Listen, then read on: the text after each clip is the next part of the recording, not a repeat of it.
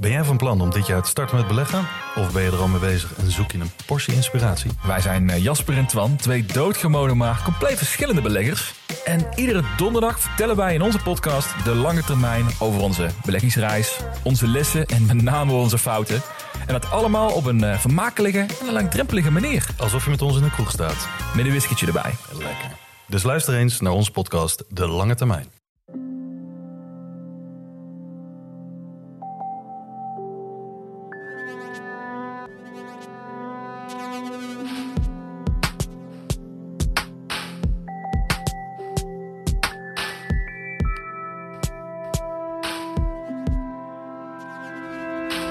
Hey, ik ben Pieter van Relaas. In Relaas hoor je waar gebeurde verhalen en die worden verteld door de mensen die ze zelf hebben meegemaakt. Voor we naar het verhaal van deze week gaan luisteren, nog eventjes zeggen dat Erik Kelles onze nieuwe vriend van Relaas is. Dankzij Erik en dankzij al onze andere vrienden van de show kunnen wij deze podcast gratis de wijde wereld in blijven sturen. Dankjewel Erik. Nu gaan we luisteren naar het relaas van Chris. Chris, dat is een bangerik, dat zegt hij zelf. En met bangerikken kan het twee kanten uitgaan, vooral als ze kind zijn. Chris heeft er zijn voordeel mee gedaan.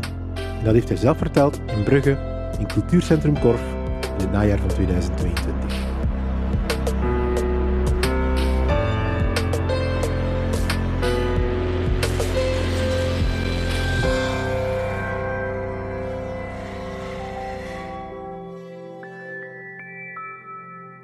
Ik ben een schitter. Ik ben een bangerik. Ik ben benauwd. Ik ben een jongetje van vier jaar en ik kijk naar het raam. En ik zie het gordijn en achter het raam, dat weet ik, achter het raam staat er een man. En ik durf mijn ogen niet te doen, want ik ben bang. En ik ben zes jaar en ik loop met mijn ouders door de bergen. Wij gaan naar de Dolomieten, een prachtige bergen in het noorden van Italië. En uh, het fantastisch. En voor de, mensen die de Dolomieten kennen, dat is met van die rolken zo heel gevaarlijk om op te stappen. En ik loop en naast mij is er een kloof. En ik ben bang. En als je bang bent, dan gebeurt het ook. En ik slip van het pad naar beneden. En ik hang met mijn handen aan het pad. En ik weet dat het nu gedaan is, want mijn handen ja, die laten los en ik val wel 20 centimeter naar beneden. Ja, zo'n pad dat kronkelt, dus als je van naar beneden valt, val je gewoon op pad eronder naar beneden. Dus dat overleef ik wel.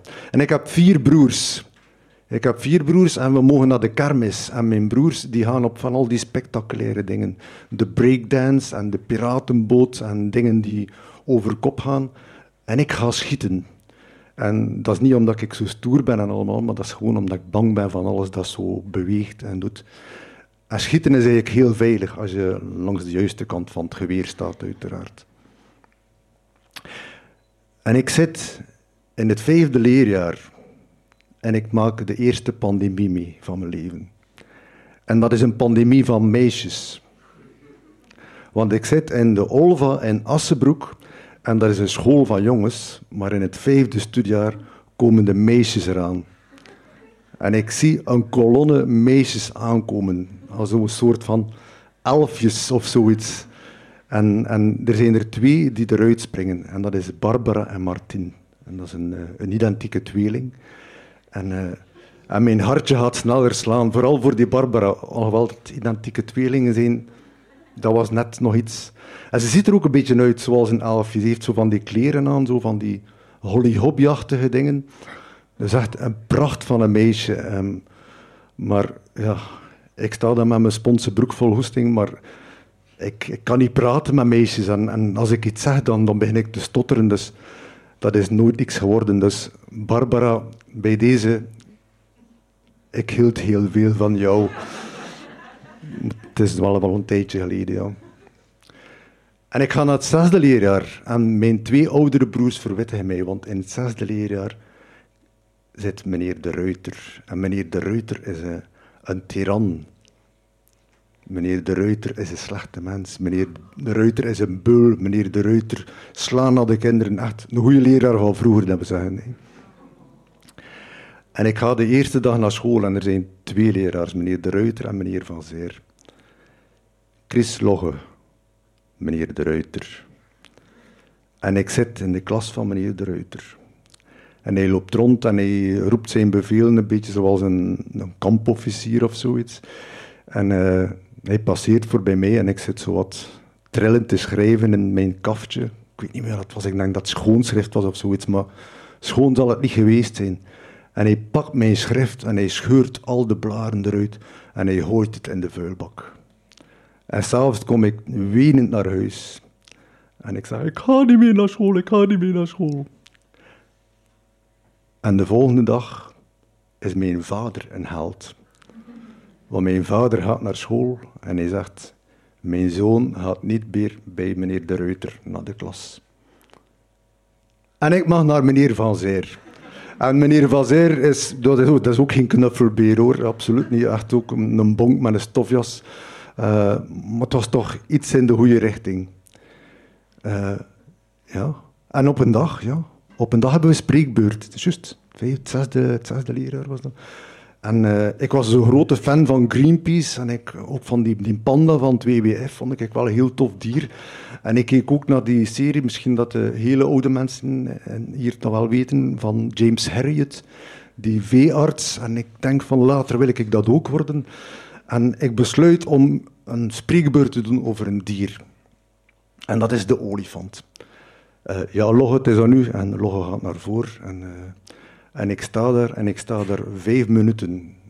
En ik weet niet meer dat een olifant grijs is, of dat hij een slurf heeft, of lange tanden heeft, of zo'n staartje om de vliegen weg te slaan, dat hij dikke poten heeft, dat hij... Ik weet er niks meer van. En nadat ik daar vijf minuten staan sterven heb, zegt Van Zeer van loggen naar uw plaats. Nul. En ik ga in de jeugdbeweging. Maar ook daar heb ik mijn plaats niet, want dat is... In mijn herinnering was dat iedere week Bospel of Dekke Bertha. Dekke Bertha, ja, ik heb niks met Dek en ja, Bertha ook al niet. Dekke Bertha is zo'n spel dat je over, over een veld moet lopen en dan gooien ze je heel ruw op de grond en gooien ze je in de lucht of zoiets. Echt tof hoor. Dus ik heb dat opgegeven. Ik was, ik was een ander kind. Ik was een kind dat in, in een hoek kroop met een boek en dat was dan Arendsoog. En uh, de Rode Ridder, maar van Leopold Vermeer en niet van Willy van der Steen. En, en dan ook de, de, de Spidermans en de Supermans en de Batmans. Uh, in de tijd dat dat alleen maar voor nerds was. Uh, nu kijkt iedereen daar naartoe. ik was zo een kind. Ik wou ik wel een superheld zijn.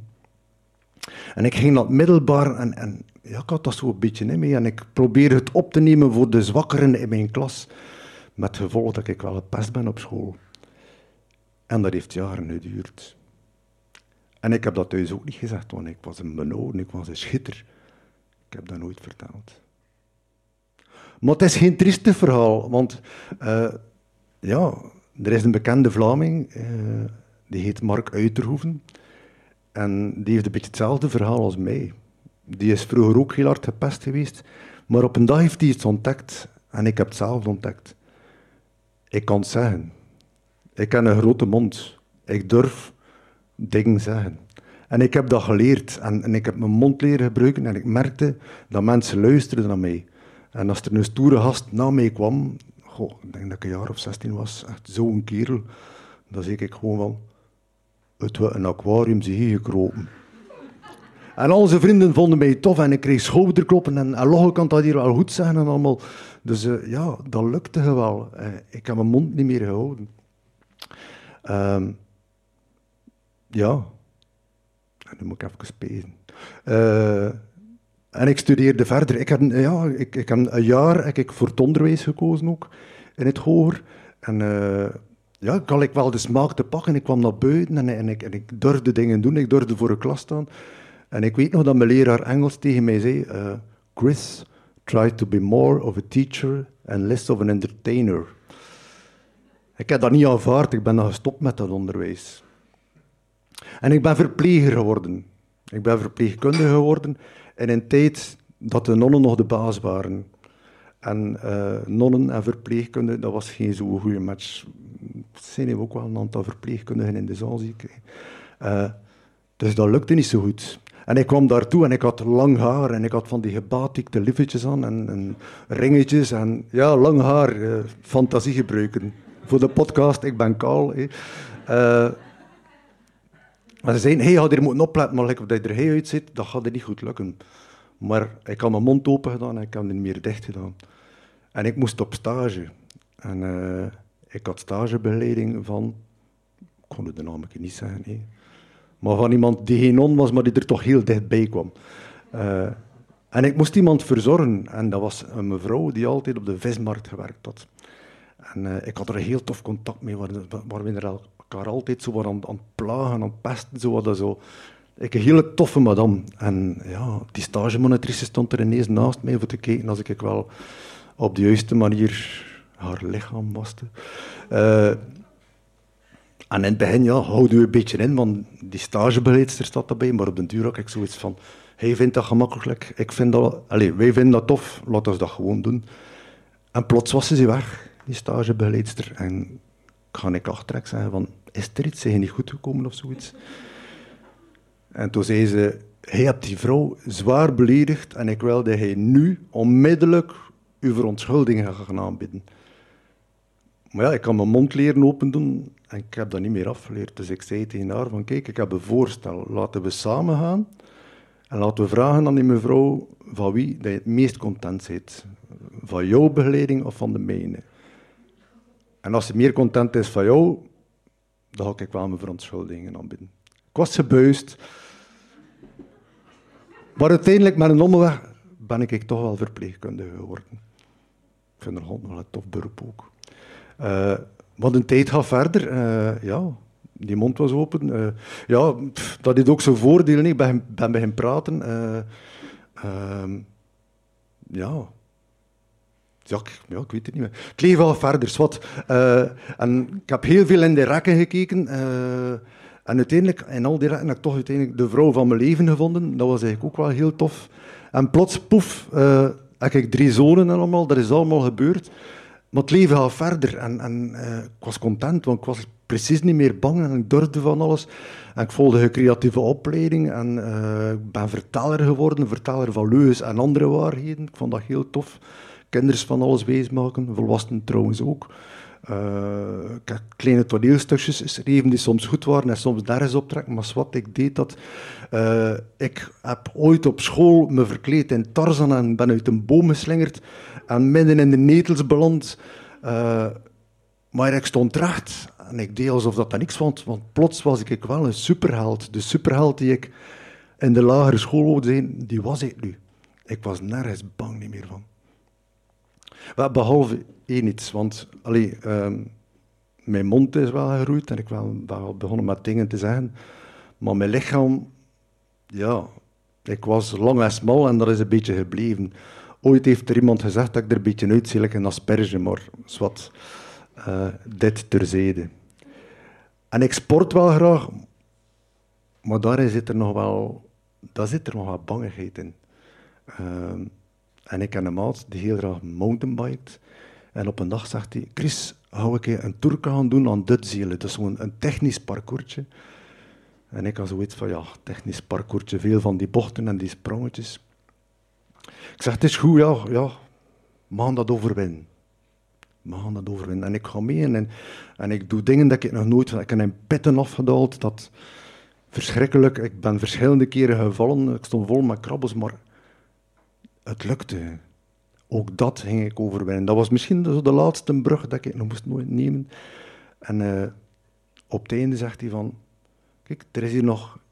Hier is er nog zo'n klein schansje, dat is maar een halve meter hoog. Ik ga er nog overspringen, maar hij moet niet. Hij moet dat niet doen. Ik zeg, ja, ik ga dat niet doen. Ik zie dat niet zitten. En ik zie er hem overvliegen. Uh, ja, gezwind als, niet als een hinde, maar toch iets dat kan springen en landen.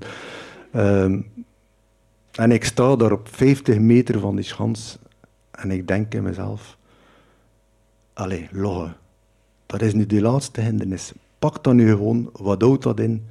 Vlieg daarover, je kunt dat. En ik ga op mijn trappers gaan staan. En ik al snelheid. Ik al snelheid, ik ga altijd maar sneller en dichter bij die schans.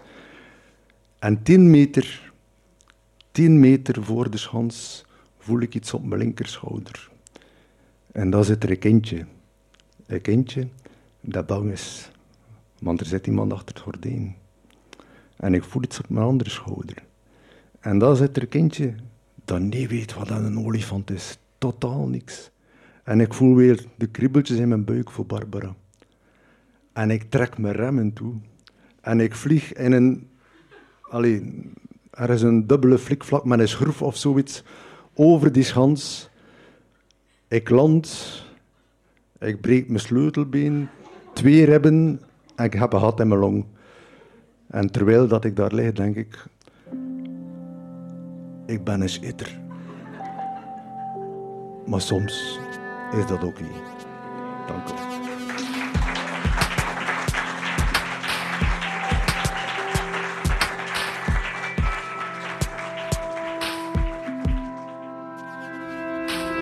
Dat was het relaas van Chris.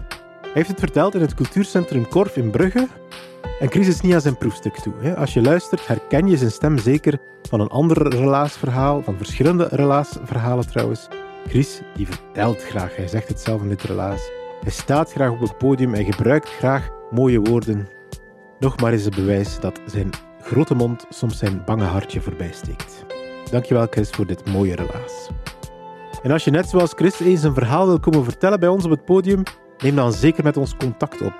We hebben zo'n formuliertje op onze website, relaas.be, en daar kan je al de korte versie van jouw verhaal achterlaten. En als wij denken, hmm, daar zit iets in, dan nemen we met jou contact op en dan krijg je een relaascoach toegewezen. Dat is iemand die jou helpt met jouw verhaal en die kneedt het mee tot het helemaal goed zit om het live te gaan vertellen. Relaas bestaat dankzij een groep enthousiaste vrijwilligers die verhalen zoeken, die verhalen coachen, die verhalen op het podium zetten en die verhalen als podcast uitbrengen. We krijgen daarvoor centjes van de afdeling cultuur van de stad Gent en van de Vlaamse gemeenschap. En ook van onze vrienden van de show. Dat zijn jullie eigenlijk. Hè? Of jullie kunnen dat tenminste worden. Als jullie vriend van de show worden, dan helpen jullie ons om deze podcast gratis te houden. Dankjewel om te luisteren en onthoud, schieten, dat is heel veilig. Zolang dat je maar aan de juiste kant van het geweer staat.